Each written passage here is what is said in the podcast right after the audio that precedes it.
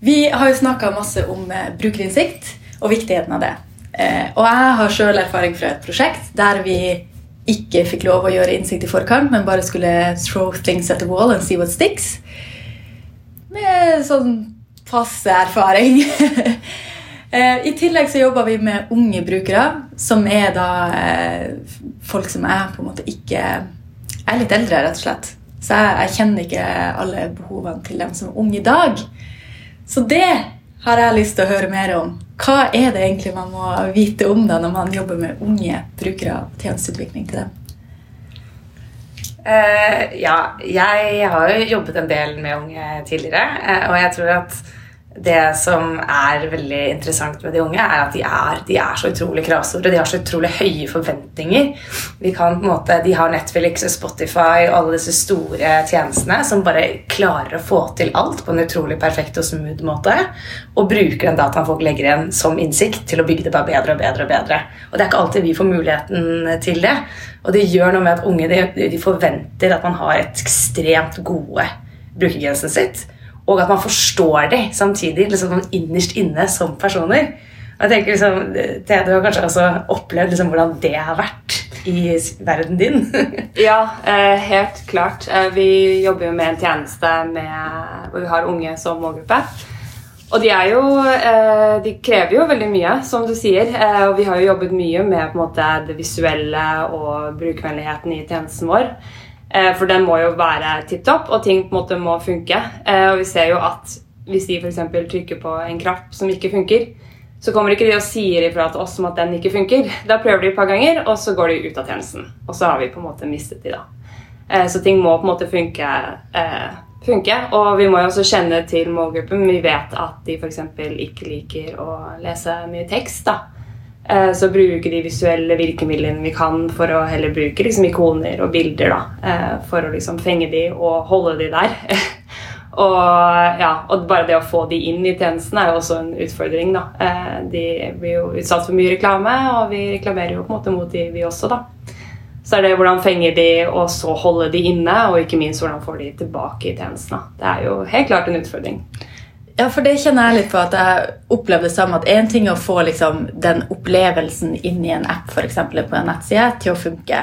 Der er vi, vi gode. Eh, men det er akkurat det å fange dem inn, fordi det er så ekstrem konkurranse. Og det er liksom noe med å bli oppfatta som kul og ikke, og det er bare det å si kult er sikkert skikkelig ukult. ja, akkurat det eh, har vi jo vært mye innom på en måte den tone of voice og hvordan vi kommuniserer til dem. da. Og vi vil jo, vi har liksom et lekent brand, og vi prøver å nå dem. Og så har vi vært veldig mye innom dette med emojis. da. Hvor mye skal man bruke emojis, f.eks.? Som er sånn morsom problemstilling å ha.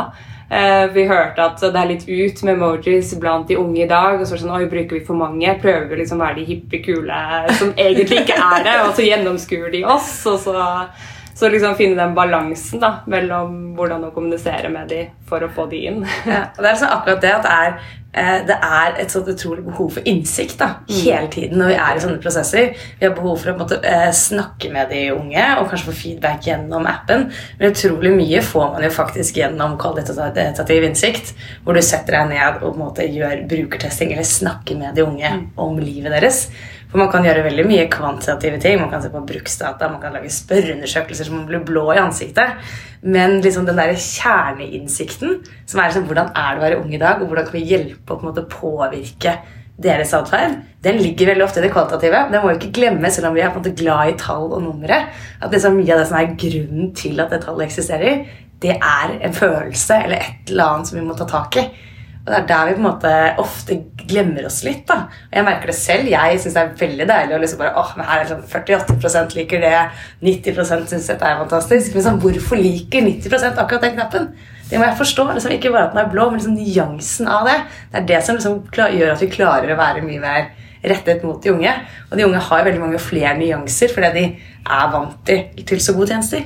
Så vi sitter liksom helt i en sånn game hvor vi må ha store tall og store data for å forstå dem, men også klare å gjøre den kvalitative innsikten.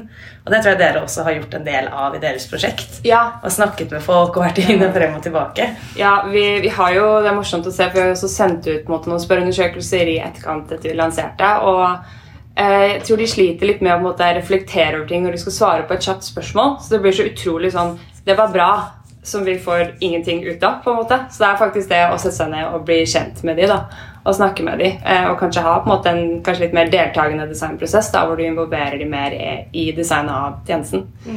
Ja, og det kan jeg si, selv om jeg starta med å si at jeg jobba på et, et prosjekt hvor vi ikke fikk gjort innsikt, så fikk vi involvert dem i designprosessen. Eh, så vi hadde med oss eh, unge potensielle brukere av denne tjenesten inn i både sånn idéworkshops og også kjørte liksom eh, Lagde prototyper som vi testa.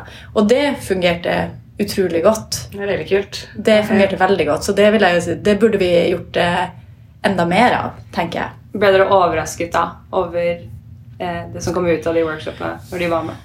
Eh, ja og nei. altså Det kom jo ikke noen sånne revolusjonerende ting, for å si det sånn, men det var de små tingene, da.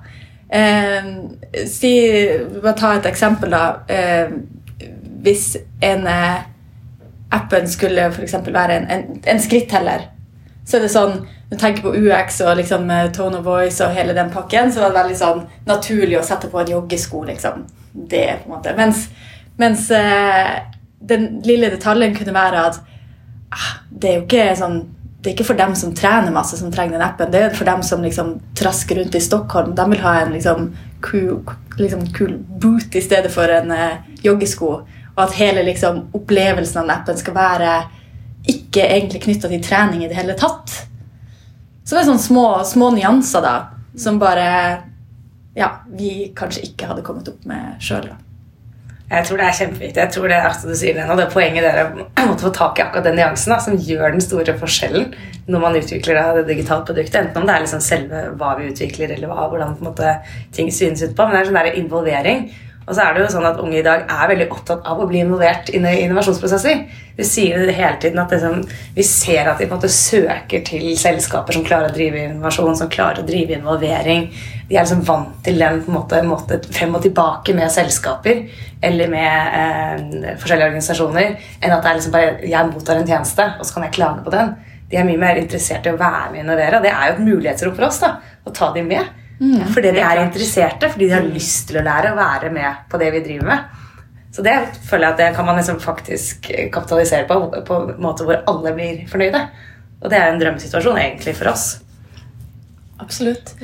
Men Vicky, du, har jo, du driver jo og holder litt foredrag sånn om, om eh, unges digitale vaner. Det er riktig. Fra Yolo, til follow. Og hva betyr det?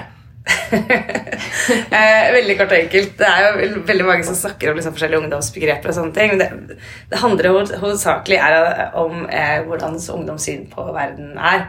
Altså Yolo er kanskje et litt gammeldags begrep. Jeg tror ikke engang vi bruker det mer. vi som er litt eldre. Men det handler om sånn, you only live your life once. Altså Den der følelsen av å leve i nuet. Og så har vi også kanskje en opplevelse av det som heter FOMO. Som er sånn der, the fear of missing out. Som er den følelsen av liksom bare, åh, nå sitter jeg her sammen med deg, men jeg lurer på hva som skjer kanskje det møterommet ved siden av, eller et eller annet sted her i verden. Den følelsen at liksom, jeg er et eller annet sted nå, men jeg vil alltid være et annet sted. Men det som er med de unge i dag, at de har liksom sånn tredje nivå, som eh, i hvert fall jeg er oppvokst så mye med, som er liksom der, hele FOMO, nei, FOLO-begrepet, som er sånn the fear of living offline. Er frykten av å ikke ha internett. Ikke være til stede, ikke være på de digitale flatene. Det er en så sterk frykt for mange unge. da. Så da står du liksom i en sånn trebent spagat hvor du hele tiden skal leve i nuet. Du skal hele tiden liksom vite hva som skjer alle andre steder, og lure på liksom bare, å, misser jeg ut på noe når jeg ikke er her. Og så skal du også hele tiden være i den digitale verden. Og det er en sånn plattform som er ganske vanskelig for unge hele tiden å vri seg rundt. De er vant til det, men det er et litt annet nivå enn det det var bare for noen år siden for de fleste. Eh, Så det gjør jo at de har høyere forventninger til seg selv, de er kanskje litt mer stressa, og så har de veldig mye høyere forventninger til oss. da. For de tenker på oss som merkevarer eller organisasjoner. tenker at ja, Dere må jo også liksom være i nuet, være der hvor dere ikke er, og være på alle plattformer. Og være til stede for oss. Høres Så- veldig slitsomt ut. ja, det, er, det er ganske kravstort, da. Men jeg forstår det jo. Hvis jeg må leve det selv, hvorfor klarer ikke dere å leve i det som merkevarer og organisasjoner? Ja. Så det er, det er liksom en sånn litt ny måte å tenke på blant de unge i dag, da. Som vi må forholde oss til hele tiden. Ja, klart. Mm. Jeg trodde kanskje at trenden gikk også litt i en sånn retning av å være mer frakobla. Men er det kanskje ikke blant de unge? Er det blant dem i min alder, si det sånn. Jeg tror- Så bare, liksom, bli, bare bli ferdig med å legge ut middagsrettene på Facebook. Liksom. Jeg tror nok det. Jeg tror liksom det handler om at de er født inn i det. Vi er ikke det. Altså, øh, vi har, hadde liksom ikke mobiltelefon før vi kanskje ble litt mer ungdom. Men disse har hatt ungdom, telefonen og iPad siden liksom var to år. Så for dem så er den digitale flata det er, verden, det er liksom livet deres. Det er sånn de kommuniserer, det er sånn de får informasjon. Det er sånn liksom de agerer med så mange ting, både merkevarer og liksom underholdning. alt mulig.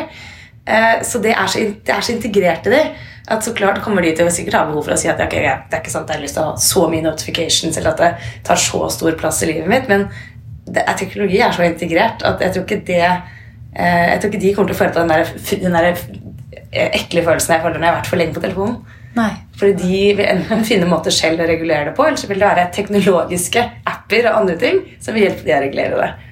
Og kanskje ikke ha det behovet som kommer helt sånn fra hjerteroten. Altså, altså, vi har det. De bruker jo også veldig mye sosiale medier og for eksempel veldig mye Snapchat. da. Og det er jo, selv om du er online, så er du sosial på en måte. Du snakker jo med folk, så kanskje de ser på det på en annen måte enn oss, da, fordi de er oppvokst med akkurat de sosiale mediene. Ja. Ja. Jeg tror det, det, er liksom, det, er, det er et eller annet det at man er, man er inni det fra starten av. Og det er ikke vi. Så det er vanskelig å forstå. Jeg synes det er vanskelig å forstå. Jeg har behov for å logge av, men når jeg snakker med unge, som jeg har gjort tidligere, så er det liksom Det behovet ligger ikke så sterkt hos dem. For det er bare sånn. Jeg kjenner at vi skulle hatt med oss en her som faktisk var, var ung. Så vi, kanskje vi skal avslutte med det da, og slå et lite slag for co-creation og ta med de unge inn i produkt- og tjenesteutvikling Ja. så langt det er mulig. Helt enig. Helt enig.